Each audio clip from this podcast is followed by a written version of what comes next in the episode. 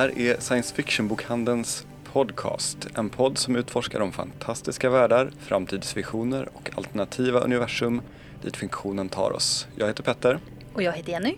och idag ska vi prata om världar som vi kan försvinna i och eh, även teknik i fantasy.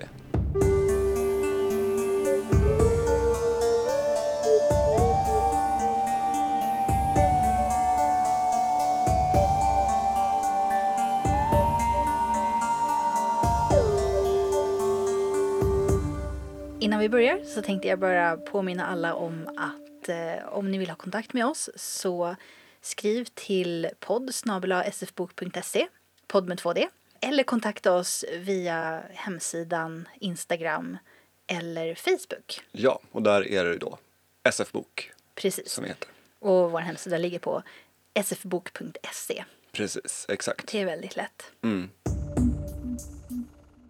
Ja, men vi har ju lite, som man säger dessa dagar, det är lite speciella tider. Ja, precis. Det, det är ju det. Men, men vi sitter här och spelar in precis som vanligt. Vi harvar på. Ja, I bokhandeln så fortsätter livet som, som det gör. ja. Eh, men vi har tänkt lite på då att vi kanske ska tipsa lite om saker för många har ju blivit så att man sitter i sina hem och har väldigt mycket tid till över som man kanske inte har vanligtvis. Eller så jobbar man hemma och Ja. märker plötsligt hur mycket tid som går åt till att åka fram och tillbaka Exakt. till massa olika Ja. platser, till exempel arbetet. Japp, precis. Så ja, vi började med att prata om saker som man kan fylla den här tiden med. Världar att sjunka in i. Exakt. Och eh, jag vet inte, jag i alla fall, jag kan ju börja tänkte jag. Ja, Lite så du. egoistiskt. det har ju kom, släppts eh, två spel nu den 20 mars som jag inte har spelat än vid det här in, in, inspelningstillfället. Men i alla fall. Ja, precis. Vi kanske ska säga det. Vi, vi spelar ju faktiskt in en vecka innan programmet sänds. Jag vet inte om alla vet om det. så Nej, att det är det- därför, ibland o- om det vi pratar om känns lite, ja men det här var ju en vecka sedan, så är det för att, ja, det var en vecka sedan. Ja, det är så det ser ut bakom kulisserna här. Ja, Men men vi är väldigt, eller Petter är väldigt pepp. Jag är superpepp. På jag spelet kommer ut imorgon. Ja, jag, det är ungefär det enda jag tänker på. Det kommer två spel imorgon, den 20 mars. Eh, dels så har vi ju nya Doom, Doom Eternal, Doom. Doom Demonslakt på Mars. Eh, Ja, ja. Bra sammanfattat. Mm, och sen så har vi även lite kontrast till Doom. eh, så har vi Animal Crossing New Horizons eh, som, ja, båda de här spelen släpps imorgon. Och de är typ varandras motpoler. Ja, jag skulle säga att de väger upp varandra väldigt bra. De, de, de skapar en symbios, en balans. Doom är, Eternal är ju uppföljaren till, ska man säga, nystarten av Doom som kom för tre år sedan. Doom är ju ett av kanske de mest klassiska datorspelen som finns. Ja, alltså jag kommer ihåg när, när det första Doom kom. Mm.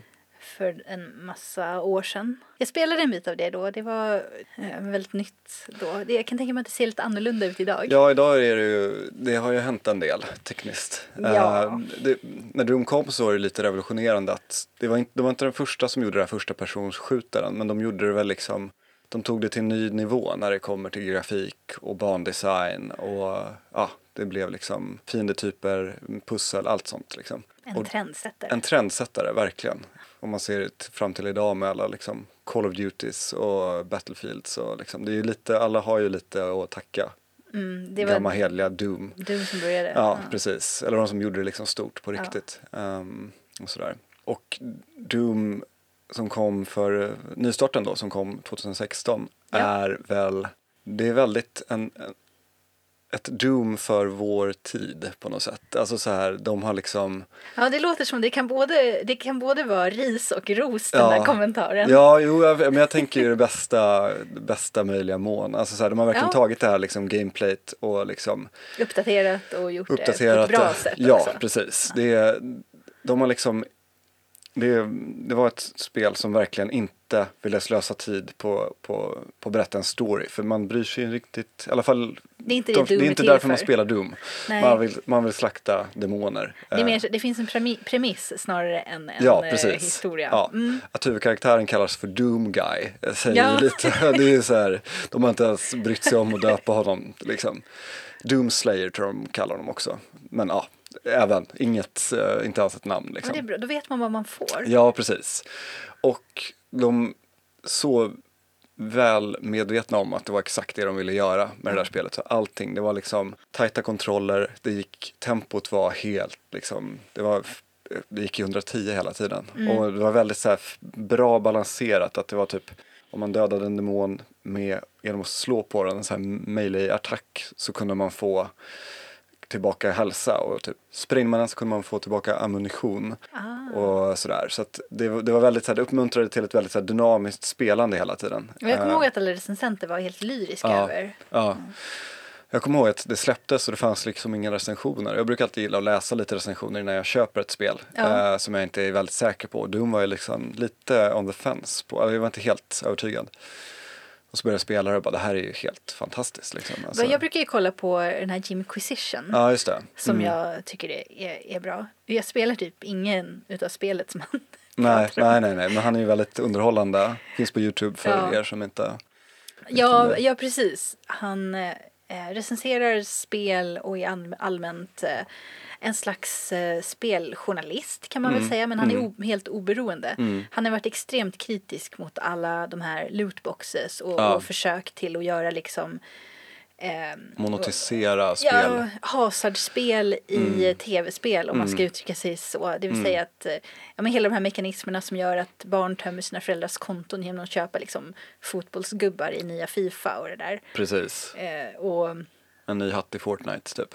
ja, men en ny hatt i Fortnite är ändå så här, man klarar sig utan den. Även om, Jo, det är sant. även om eh, jag har förstått att eh, det sociala stigmat är ganska svårt om man spelar i så här, med grundskinnet. Ja, det är lite, ja, men det är lite som, jag kommer ihåg, man kommer ihåg att det var, om man tar, tänker kids, Ja. hur det var i skolan liksom. Har man inte den coola, coola kepsen så Ja, då det- är man ju inte med i gänget liksom.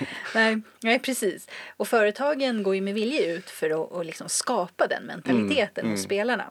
Alltså de går ju i flera miljarder i vinst bara på köp inuti spel. Så, inte, så inte på själva spelförsäljningen utan på att, eh, ja, men på att barn köper saker i Och spelen. inte bara barn heller. Vi kan ju Nej, säga inte bara vuxna. barn, nej. De har ju väl lyckats bromsa lite, tycker jag, Ja. det, den utvecklingen. Ta- Mycket tack vare sådana personer Ja. som... Vissa Ja, länder har ju börjat ändra sin lagstiftning och så också. Ja, Mm. det gick ju så långt att det började bli så att det såldes liksom inkompletta spel. Att det var så här, man, de ville Ja. Mm. ju pusha en i, i det här att eh, köpa lootboxes för att få liksom den bästa utrustningen. Lite det pay to win som, som det Ja. kan heta ibland.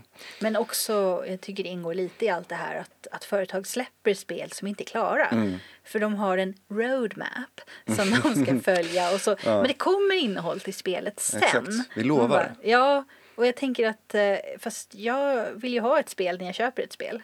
Kan jag få det? Tack. Mm. Ja, precis. och Men det- Doom är ju klar. Alltså Doom gör ju inget De utav har det här. varit väldigt tydliga med det under Ja. Mm. sin uh, utvecklingen. Liksom. Att det är så här, vi säljer en komplett produkt nu. Ja. Liksom. Det kommer finnas multiplayer, det kommer finnas en single player-kampanj som Mm. är liksom matig. För det ser ut som de har ja, finslipat det Mm. som gjorde det första spelet så fantastiskt. Men om man nu inte är så här superbra på den här typen av spel och Mm. vill ha någonting som man kan sätta sig med i lugn och ro Ja. och bara liksom pyssla med. Bara pyssla med. Då, Då har vi ju en av mina absoluta favorit, andra favor- favorit, det är kul att de kommer samtidigt. Nej men då har vi en av mina favoritspelserier, Animal Crossing, som kommer med sitt nya spel imorgon också, som sagt, eh, New Leaf. Och vi kan beskriva, jag kan beskriva lite Animal Crossing, hur det är. Jag, jag har ju inte spelat det så Nej. jag har ingen aning om hur det funkar. Det är ju lite av en, jag vet inte om man kan kalla det för life simulator, men alltså att det är typ, man spelar en karaktär som kommer till, i det nya spelet kommer man till en ö där man slår upp sitt tält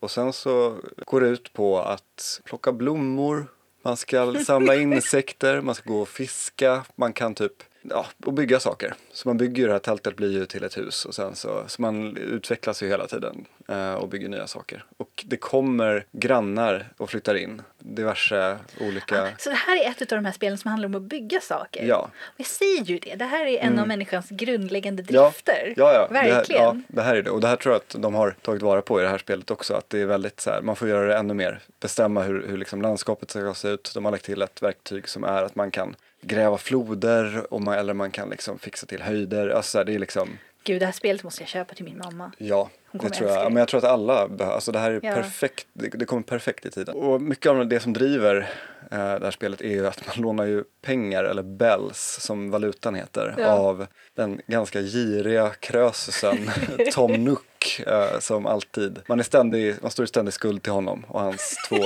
två barn. Nu låter det som lite för verkligt här. ja, ja nej, men han kan se snäll ut men man ska inte lita på Tom Nook. Han, han är, han är Det är mycket lömsk. ränta. Ja, det är mycket, jag vet inte hur mycket ränta det är men han, är alltid, man, han gillar att låna ut sina pengar. Ja, Han ja. gillar att, att- att folk är skyldiga honom. Liksom. Han vet var man har folk. Här får man vara lite försiktig. Ja, och en stor grej med det här spelet är ju också att allting går i realtid. Mm. Så att eh, är det morgon i spelet, eller är det morgon i verkligheten så är det även morgon i spelet. Och är det, säg, fredag i verkligheten, då är det fredag i spelet. Så att det finns en sån liksom cykel. Så Men det är att, inte så att man måste spela vid vissa tidpunkter. Ja, det beror på vad du vill göra. Ja. Alltså så här, om man säger typ, vill du ha de mest sällsynta insekterna och håller på att samla ihop till dem, för de kan man sälja också för väldigt mycket pengar ofta. Eh, då får du spela, de kommer ut ofta på kvällen liksom. Ah. Så då måste du spela på kvällen. Ja.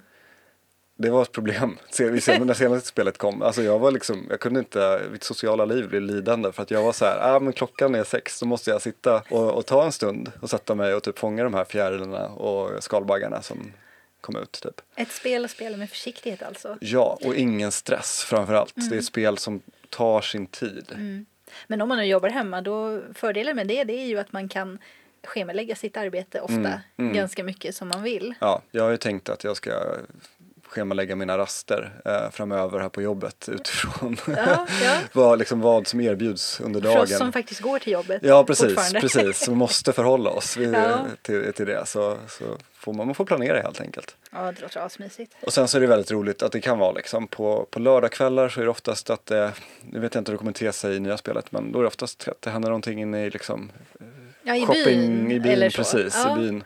Eh, att, eh, I aftondans. det, kan, det kan komma lite, ja, lite musiker som sitter och spelar och sådär, det blir samling Ja. i, i byn. Och det finns även multiplayer det här så man kan åka och hälsa på varandra. Jaha. Vilket också kan vara bra i karantäntider, att man Ja. kan åka och titta på varandras eh, skapelser och, och ta med sig presenter och Det liksom låter sådär. asmysigt.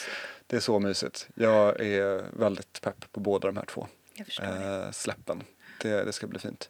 Ja, min rekommendation är, är kanske en blandning av de här två. Ja, Eller nej, men Vad är någonting det? som faller lite mittemellan. Det, Okej. är inte, det är inte total demoninvasion. nej, Men det är inte fridsam odling heller. nej. Eh, Det finns nämligen en bokserie som Mm. eh, har kommit i, i nyutgåva nu. Eh, Devery-serien av Catherine Kerr. På engelska dock i, i nytryck. Och eh, den har funnits i tryck på svenska för länge sedan men den finns inte kvar tyvärr.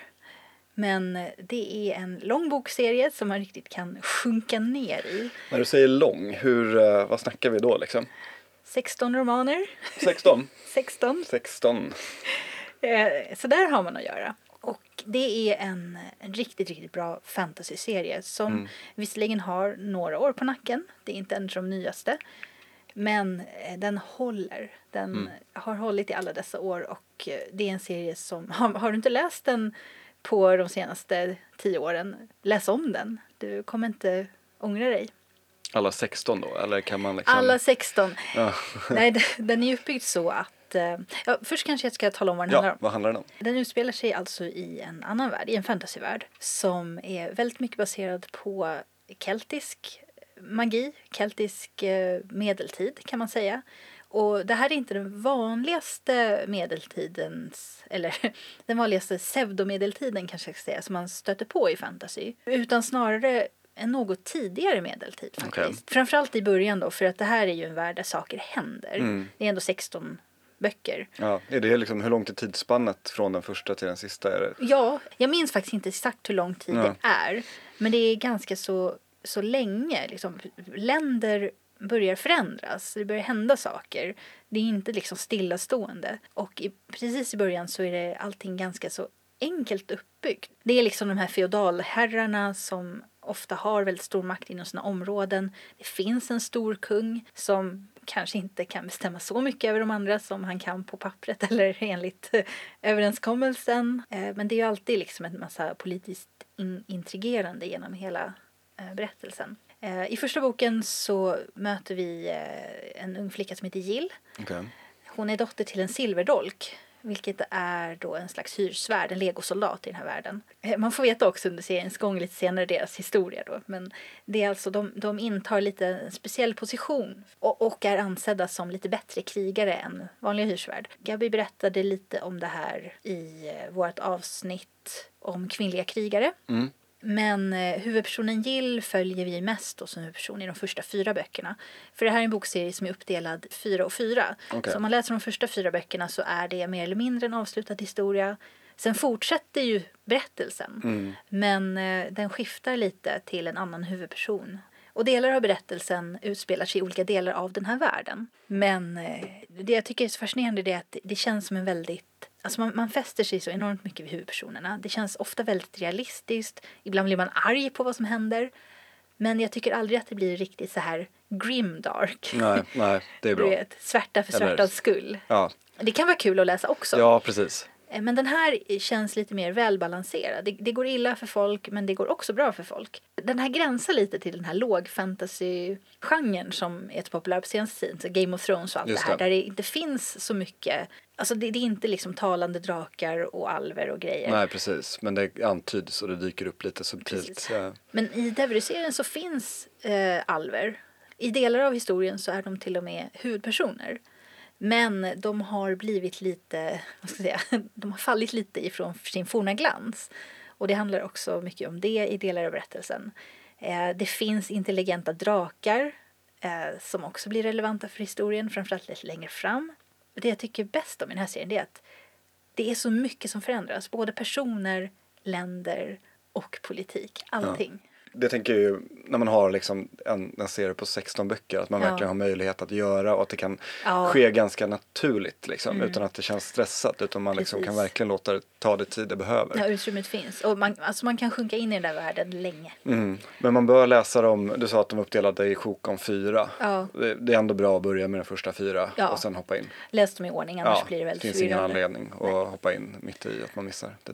Ja, Jag vill länka till dem i, i informationen. ja, ja.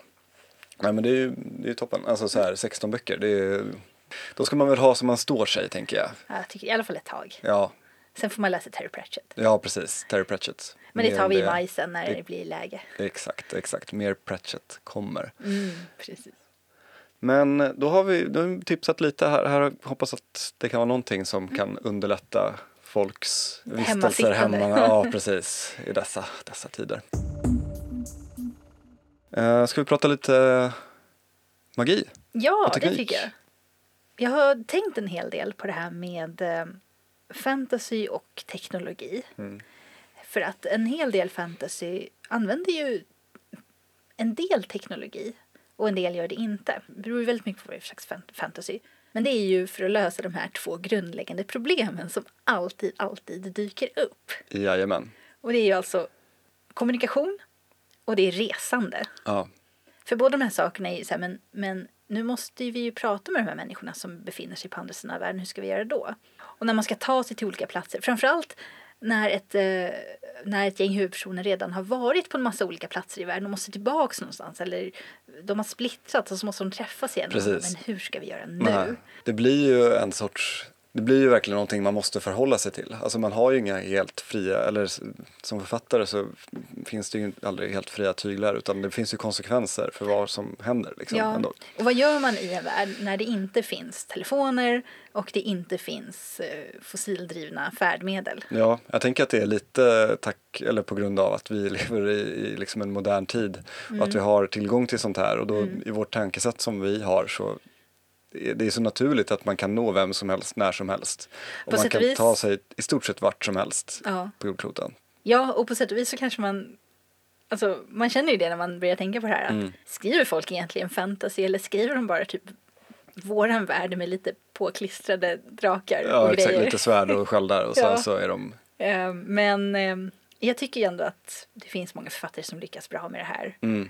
Trots att de inte har kunnat komma över att de måste ha de här kommunikationerna. För att de, ja, men de, man har skrivit på ett sätt som är normalt för en själv. Mm, Eh, det vill verkligen. säga att man kan kommunicera. Precis. Jag tänker ju, alltså så här som vi pratade om lite innan, men ett sånt exempel som Harry Potter är ju, och Harry Potters värld är ju verkligen ett exempel på det här. Ja, och det här, det här är så roligt också för jag tycker att eh, hon, Eh, J.K. Rowling som eh, har skrivit Harry Potter-böckerna har ju verkligen använt den här typen av magi där hon kan ju bara ta till i stort sett vad som helst för att om det är roligt eller om det är balt så funkar det. Ja, ja. Punkt slut. Ja. Hon har inget magisystem som hon har satt upp liksom att det här funkar så därför att de här reglerna finns. Utan hon bara nej, nej men jag behöver en em, formel som gör så att man kan kommunicera med varandra från långa avstånd. Ja men man kan väl ringa upp varandra via eldstaden, det är väl jättebra. Mm. Vi kör på det. Ja, och det är coolt också. Ja, funkar jättebra. Men det, det funkar ju för att hennes värld är som den är Mm. och hennes magi är som den är. Det är ju mycket, tänker jag där, att friheten i att Harry kommer som en utomstående och inte vet så mycket om den här världen när han kommer in i den, eller för att inte säga någonting alls eh, nästan. Då är är ju vi som läsare med honom där. Mm. Och då funkar det ju det här och liksom så här, ja men det här finns, det är Ja. Mm. bara nu berättar vi för dig om det. Ja, det, fin- det finns ju andra världar som har lite mer, ja men så här funkar våran magi. Då, då har ju författaren begränsat sig lite när det gäller vad de kan göra och vad de inte kan göra. Ja, men I en värld som eh, i Sagan om ringen så är ju magin extremt begränsad. Där tar det ju verkligen väldigt lång tid för folk att gå från en plats till en Mm, annan. verkligen. Och det känns. Ja, Och det är inte så lätt att kommunicera på avstånd heller. nej, där finns det väl mer eller mindre, det är Palantiren som eh, Sauron, Saruman använde för att Ja, det är väl typ den vad jag minns också. Eh, Om vi inte ska räkna eldarna mellan, eh, mellan eh, Gondor och... Ja, men här tror jag vi har ett exempel på en författare som har tänkt på de här sakerna historiskt. Mm, För att de här vårdkasarna är ju historiskt korrekta. De Ja. använder vi ju här i Sverige på precis samma sätt. ja, hade vi stackare som satt uppe på Enslabergs toppar och... Ja, eller vi har inte så mycket bergstoppar. Nej, precis. men det är därför som Huddinge kommun har en vårdkase som sin kommunsymbol. Ah, ja, just det. Mm, Men den ligger ju precis vid kusten. Det fanns ju massor med signaläldar helt enkelt. Mm. För att tändas när det kommer fiender. För att varna liksom längre in. För oftast så var ju försvarsverken, eller varningspositionerna var ju närmare havet. Och så längre in i, i Mälardalen så fanns ju liksom städerna och, och alla rikedomar. Men då kunde folk förvarnas. Ja. Ja. Men det är inte samma sak som en telefon. Nej, exakt. Då är väl Palantiren en mer... Precis, då måste man mer ta en till magi. exempel. Ja, Ja. exakt. Och det blir oftast det. Precis. Jag läser ju mycket One Piece. Mm, just det. Framförallt nu, jag håller på att läsa om hela serien. Läser de hela? Hela. Ja. Det är alltså, vad är det, Nitt- 93, 94 böcker? Där någonstans. Eh, Det är serieböcker så det går ju lite fortare än en vanlig bok. Men det är ändå 90 Ja. plus. ja, det. Eh, Där använder de telefonsniglar. Telefonsniglar. Ja, Okej. Det är alltså en slags djur, en snigel eh, med skal. En snäcka som lever vilt och sådär men man kan tämja den och göra om den till en telefon. Och den tycker det är riktigt trevligt för då får den mat och den gillar sitt jobb. Okej. Ja, ja, nej men det är inget konstigt. Det är, det är fullt. Jag tänker lite så Flintstones spontant. Men här i det här fallet så de har någon slags telepatisk förmåga. Ja, det är de så de når varandra. Ja, Men säg, eh, vandrar, så mycket frågor i min skalle här. Eh, va- vandrar, de här, vandrar de här sniglarna fritt? Är det så här, kan man se en snigel på stigen och bara plocka upp den och bara nu blir du en telefon? Men och hur man vet man vem måste- ska, vem ska hur, det är en viss jag skulle telefon- vilja ha med mig en, en snigel då, at all times, som var min. Ja. Liksom motsvarande min mobiltelefon. Liksom. Mm, många har ju det. Okej. Och eh, de här små eh, sniglarna då, de börjar efterhand likna sina ägare. Så att... Eh, Rent hur- fysiskt. Ja men till exempel huvudpersonen då, Monkey D. Ruffy, han har ju alltid en stråhatt. Just det. Och när han haft med sig en sån här telefonsnigel länge nog så har de också utvecklat en stråhatt på något sätt. Jag vet inte riktigt hur, hur det gick till Nej. men plötsligt så har den en liksom stråhatt i sån här band som hänger på ryggen. Ja, och det, det, vet man, det sägs inte om det är att den har hittat en stråhatt i passande storlek eller att den har liksom växt organiskt alla Barbapappa liksom. Jag, jag är osäker här Nej. faktiskt. Jag måste erkänna att jag är osäker på den här fronten. Ja, Jag tycker lite här när vi pratar om regler för magi och sånt där. Här, eh, här hittar vi en, en fallgrop eller ett, ett hål i, i låren. Om man frågar Oda, som Oda Eiichiro som skriver Mm. den här, om man frågar honom så säger han säkert att ehm, det finns en eh, väldigt populär sajt för telefonsniglar som de beställer saker ifrån. Eller någonting i den Mm. Ja, stilen. det är lite som rolling också. Ja. Kan vara så här. Jag Så jag hittar på genre. någonting och så är det del av Mm. Canon nu typ. Precis. Och det finns ju lite regler kring vilka sniglar som kan kommunicera på vilka avstånd och sådär. Mm. Eh, man kan ha en liten sån här mobilsnigel med sig. Så, Så det finns fasta sniglar och mobilsniglar. ja, mobilsniglarna kan kommunicera över kortare avstånd. För att någonting som inte finns i den här världen är ju satelliter. Mm, Eller snigelsatelliter. Jag vet inte hur det skulle Nej, lösas. nej, kanske bara att de, ja, nej. Men eh, de små kan kommunicera inom ett visst område i alla fall. Så att om man är på en ö till exempel. Det här är ju en värld som är, där alla länder i stort sett är öar. Utom den här sammanhängande kontinenten som sträcker sig som ett band kring hela planeten. Så eh, kan man kommunicera med alla som är på samma ö eller Mm, inom ja. samma skärgård eller var man nu är någonstans. Det finns också sniglar som tycker om att tjuvlyssna. De är ännu lite mindre. De kan man inte ringa ifrån. Men de Nej. kan ta upp signaler från andra telefonsniglar. Och det är ju väldigt bra om eh, en hemlig organisation till exempel vill Ah, avlyssna någons mm, samtal. Mm. Så- har han förklarat någonting varför han valde just sniglar? Är det liksom Nej. Han är det har ett ju... långsamt djur som... Inte som jag har sett i och för sig. Det kan hända att han har svarat på den frågan någonstans som jag har missat. Men Mm. det, nej, de bara är där. Det, det är bara en grej som finns i den världen. Ja, i senaste mm, kapitlet som jag läste om så mm, i det landet så har de inga telefonsniglar visar det sig. Men eh, en av huvudpersonerna säger då så här, ja men jag såg en vild i skogen, jag kan göra en telefonsnigel av den, det är lätt. Okej. Så mycket fick vi veta. Ja. Sen har de en. Hur, eh, ja, jag försöker för, de s- hur ringer man med en telefon? Eller är De, de installerar en, eh, antingen en nummerskiva eller en, en nummer... eh, Ja, de, en, en, en installe- knappsats? Ja, på sidan av skalet. Okej. Och så ansluter man en slags mikrofon. Jag vet inte hur det går till. Ut, utan att skada snigeln alltså. Och man kan också släppa den fri om man vill. Ja, när när, man- den har liksom, man vill byta till telefonsnigel 8 Ja. eller sådär liksom. Nästa generation. Ja exakt, det har kommit en ny på, redovisats på senaste keynoten. Nej, jag, hans fantasi är ju helt Ja den låter fantastisk. helt spårad. Jag har varit lite, jag har inte läst One Piece eller sett One Piece. Eller jag läste den när den svenska översättningen kom. Mm. Det kan det vara 20 år sedan nu. Ja, det är ett tag sedan. Ja, jag minns inte så mycket. Eh, jag Nej. tror inte jag kom till telefonsniglarna i alla fall, så långt jag hann. Nej, de kommer ganska tidigt men eh, kanske dels från början. Det kom ju ut en 60 böcker på svenska tror jag. Men de har ju varit uttryck länge nu tyvärr. Just det. Mm. Men eh, det finns ju andra, andra fantasy-serier som är lite mer allvarliga. Behöver Mm. ju hitta på någonting annat. Det, det här kan man ju säga när det gäller One Piece. Till skillnad från Harry Potter så är ju lösningen inte magisk utan teknologisk. I alla fall delvis. De har tagit liksom en, en, eh, ett djur som finns och har vissa egenskaper och anslutit teknologi. Mm. För One Piece är en sån här fantasyvärld där det är inte pseudomedeltid. Nej. Men å andra sidan så har ju Oda verkligen, alltså han har ju gått ut och sagt att olika öar har olika utveckling. Så, så alla nivåer på teknologi i stort sett finns. Han har ju gjort sig en värld där han kan göra precis vad han vill. I stort Mm. sett. Mm. Jag tänker lite på det här biologiska. Det finns ju, jag läste nyligen en bok av Sue Burke som heter Semiosis. Mm.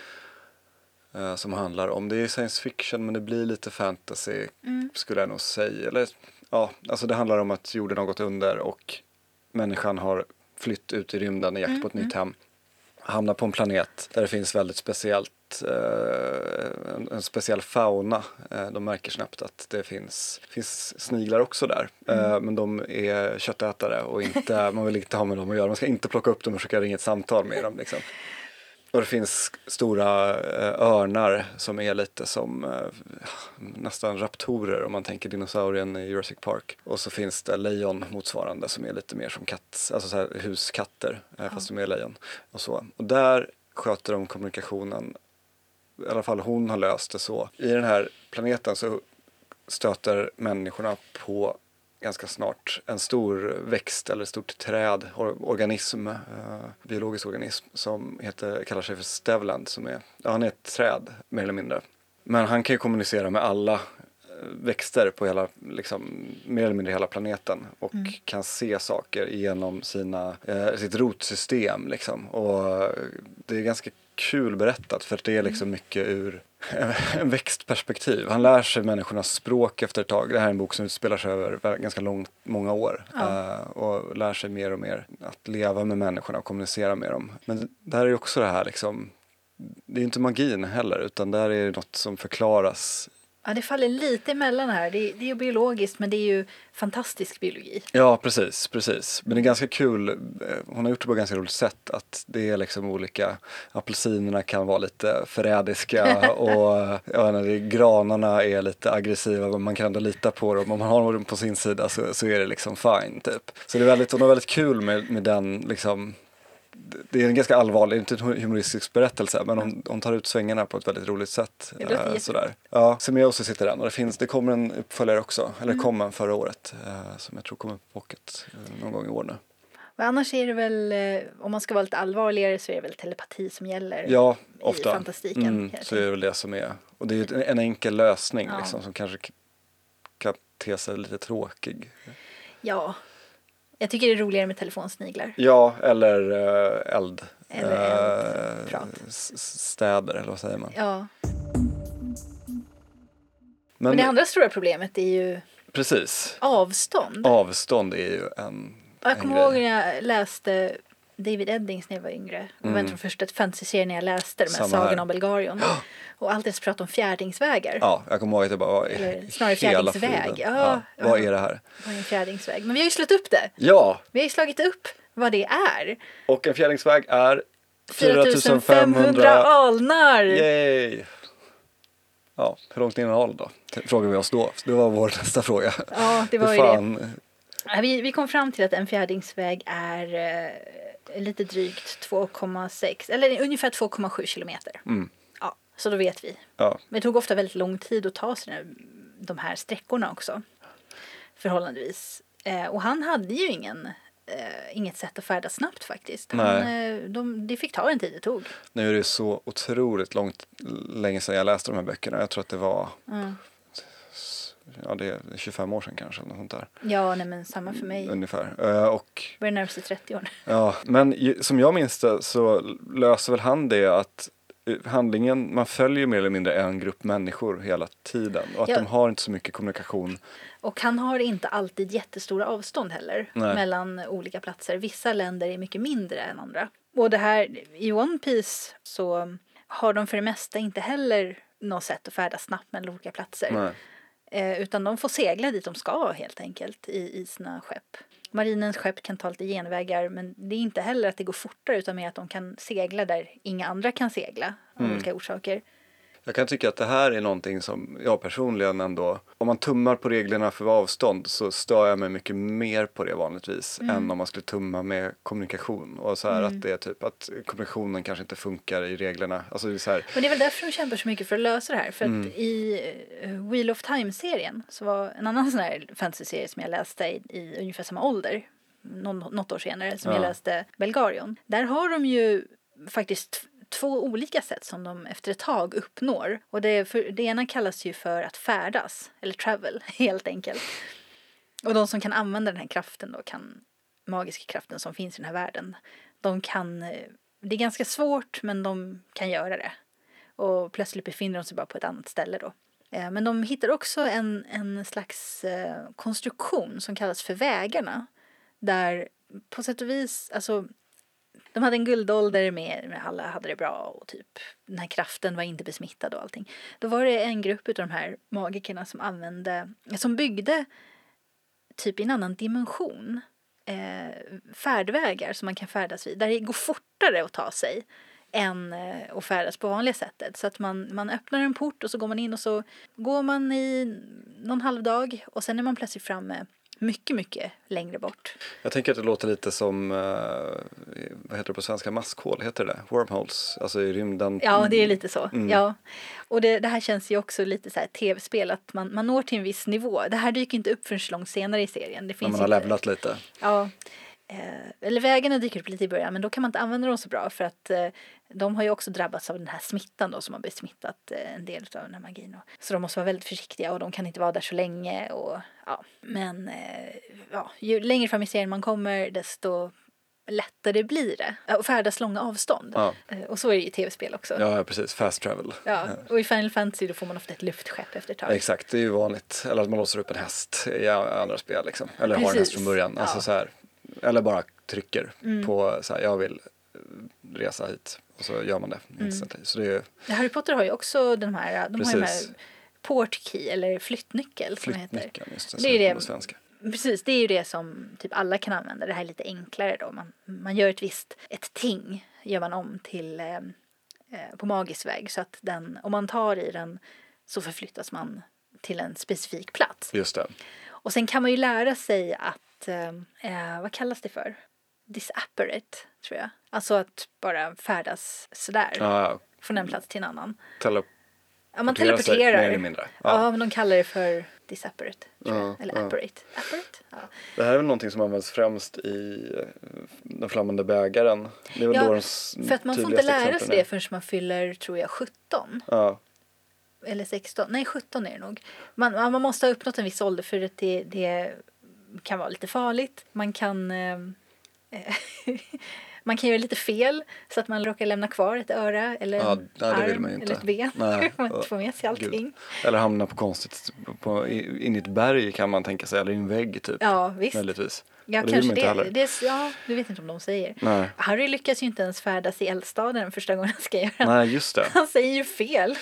Gör de det? Är det, är, det är väl eh, Hemligheternas kammare? Det är del två redan. Det som det är- första exemplet. Då. Ja, det är när de ska till, ehm, precis, det är när de ska till Diagon Alley Just och det. handla. Mm. Men det borde vara i Chamber of Secrets. Och så säger han lite fel och så hamnar han lite fel. Diagonally tror jag han säger Ja. i filmen i alla fall. Ja, det gör han nog i böckerna. Mm.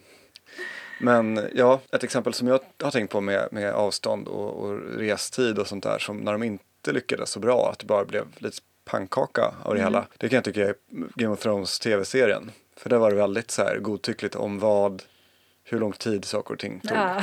Vilket i sin tur gjorde att man liksom, det fanns ingen spänning riktigt utan för det var så här, ja plötsligt kan typ den här personen på drake vara på andra sidan världen. Och det är mycket, mycket fantasy bygger ju på att man har en kännedom Mm. om hur världen ser ut och att det är liksom långa avstånd. Ja, för att vi, även om man tar upp eh, saker som Harry Potter och, och One Piece där ändå reglerna är väldigt så här, ja men eh, jag säger att det funkar så här, liksom, vi har en telefonsnigel eller Mm. när vi, vi eh, färdas, vi kastar lite ask, vi kastar ett pulver i eldstaden så kliver vi in och så färdas vi till en Mm. annan eldstad.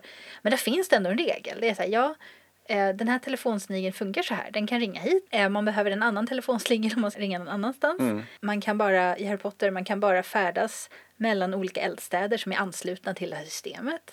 Eh, Det är inte så här att ja, men nu behöver de vara här borta. Nej, men då åkte de bara dit. Ja, då Fast är de inte där. borde, inte, liksom den interna logiken fungerar. Och det är den interna logiken som är viktig, tycker jag. Ja, verkligen. Och det, ja, Men när, när man känner att en serie bryter mot sina egna regler, det är då som man blir så här, men vänta. Ja, man tappar ju intresset väldigt Ja. fort och det blir ju svårt. Det är tråkigt, eller när det blir så. Eh, För det känns som det bara är slappt. typ. Ja, för att det hade egentligen varit lätt att åtgärda, tycker man. Mm, Genom att bara, liksom, man- man, skriver på ett sätt så att det, man får det att exakt, funka. man får fylla ut och bara så här, det tar tid liksom. För det måste jag få göra i den här, i den här världen. Eh, Mm. Ja. För att det ska liksom, Mm. publiken, eller läsarna ska köpa det, Mm. det man försöker berätta. Liksom. Men det, det är ju anledningen till att alla de här sakerna måste göras. Det är ju ofta att eh, när det gäller fantasy så är det ju inte så vanligt att det är postindustriellt. Alltså telefonerna och det här har inte uppfunnits. Det blir ju mer och mer vanligt att eh, det är lite annorlunda än den här vanliga pseudomedeltida feodalsamhällesfantasyn. Där det har varit medeltid i liksom hundratals, Ja, hundratals det- år och ingenting händer. Konstant medeltid. Ja, det är också som skillnad mot verkligheten där visst, det tog extremt lång tid. Det var ganska segt fram till medeltiden med utveckling. Det var, gick inte så jätte, jättefort men i och med medeltiden eh, så gick det, efter det så gick det ganska fort faktiskt med olika saker. Men mycket som hände från liksom det beror ju lite på hur man räknar i och för sig, men om man tänker på typ högmedeltid, så här 1200-tal Ja. kanske, så eh, fram till 1800-talet så om man tittar på utvecklingen från andra hållet, från 1200-talet, så är det ganska mycket mindre utveckling. Ja, precis. Eh, jag tänkte på Terry Pratchett också. Just det. Han, han börjar ju i en, med att skriva om en fantasyvärld som mest är liksom en, en slags skämtsam bakgrund och inte så liksom viktig för det han vill göra, vilket var att driva lite med eh, Dungeons and Dragons Sword and Sorcery-klyschor. Bland annat då. Han, han, men han förändrade, hans författarskap förändrades väldigt mycket under den tid som han skrev. Och eh, det gjorde även hans värld. Så mot slutet av serien så börjar den industriella revolutionen nästan han, det har börjat dyka upp till exempel dagstidningar och många sådana här saker som vi förknippar med modern tid och Mm. inte med ja, men den typiska fantasy-medeltiden. Och det här är någonting som jag tycker, som jag gärna skulle se mer av i fantasy Ja, faktiskt. Jag tycker verkligen. det är roligt att se den här utvecklingen och se när saker händer. Vi pratade ju lite om tidigare i programmet. Just det. Och eh, där händer det ju massa saker i hennes värld. Plus då att det finns eh, eh, lite olika kulturer dessutom. Där utvecklingen har varit lite olika. Eh, och samma sak kan man ju säga om eh, One Piece som är en fantasyvärld där det finns verkligen alla nivåer på teknologi. Men dessutom saker som populärkultur och, och så här mode, liksom märkeskläder och sådana saker som gör en värld levande på ett sätt som man inte alltid ser. Och som förstås inte existerar i en pseudomedeltida värld för att eh, där gjordes inte kläder på det sättet. Men jag Precis. undrar lite ibland varför uh, fantasyförfattare är så rädda för. Okej, det kanske är så här som vi pratade En om stor i... fråga. Ja, men också som vi pratade om i, i förra programmet om pandemier att Mm. När man reducerar samhället så får man ju väldigt mycket mindre problemområden att ta itu med. Ja, ja. Mm. Då har man inte lika många variabler som man måste ta hänsyn till hela tiden. Nej, och det är väl oftast, jag tänker, det är också en lite annan fråga, men att det, är, att det är så att det är väldigt etablerat att det ska vara liksom det här keltiska eh, rent överlag, att det, det är liksom den typen med snarare lite- drakar och Jag tänker att det är mycket eh, högmedeltida England ja, som är modell. Däremot så en av de fantasy-serier som jag gillar väldigt, väldigt mycket det är ju eh, den som börjar med The Vagrant, skriven av eh, Peter Newman. Och han, den fantasyn är väldigt annorlunda. hur är, är det liksom med teknologin där? Är det mer eh, den, den lösa och lite så? Nej, den, den, är, den handlar alltså om en, det är en fantasyvärld som har varit högteknologisk men har invaderats av en demondimension så att allting håller på att falla sönder. Och huvudpersonen är en stum svärdsman som ska försöka ta sig igenom de här förödda landen till en säker zon med ett spädbarn i famnen och en get i släptåg. Låter ju fantastiskt. Den är jättebra. Ja, Eh, Och jag, jag tycker det är så fascinerande hur han har beskrivit och skapat den här världen. Vi pratade om pseudomedeltida feodalsamhällsfantasy i ett eh, gammalt program lite mer utförligt. Men just att det är så fokuserat på engelsk medeltid. Och, och det är det eh, som jag tycker kan i vissa fantasyserier, inte, inte alla verkligen, många gör inte alls så, men i vissa fantasyserier så är det lite för likt i olika delar av världen. Och, och man har inte tagit hänsyn till att eh, just det här med att man inte har så lätt att ta kontakt med varandra nej faktiskt precis. spelar in. Nej, och det finns kulturer och det, Mm. histori- historien får ha sitt lopp och den har det på olika sätt. Det händer ol- olika saker på olika ställen hela tiden och Mm. vilket gör att kulturer växer fram. Och det, det är ju en ganska stor grej att ta sig an Mm. ändå.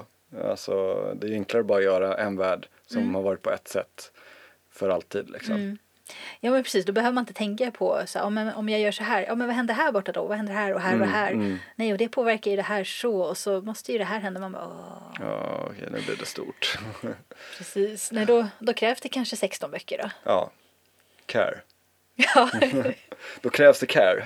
precis. Och jag tror inte ens att hon eh, går så långt i sin historia så att det hinner hända liksom en industriell revolution. Utan Nej. bara att världen förändras lite grann kräver Ja. sin tid. Ja, som det är liksom. Som det är, precis.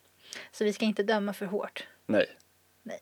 Men med de orden, Ja, vi ska inte döma för hårt. Det tycker jag vi kan ta med oss eh, när vi går ut i vardagen. ja. ja det, det är Eh. ett bra sätt att, att se på världen tycker jag. Ja, ja. Tack så mycket att ni har lyssnat på oss och vi hoppas att ni tar hand om varandra ute där i i karantänerna och installeringen och Ja. att det inte är allt för jobbigt för er att ni har böcker och spel och götter med.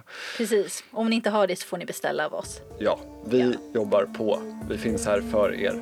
Eller hur? Hej då! Hej då!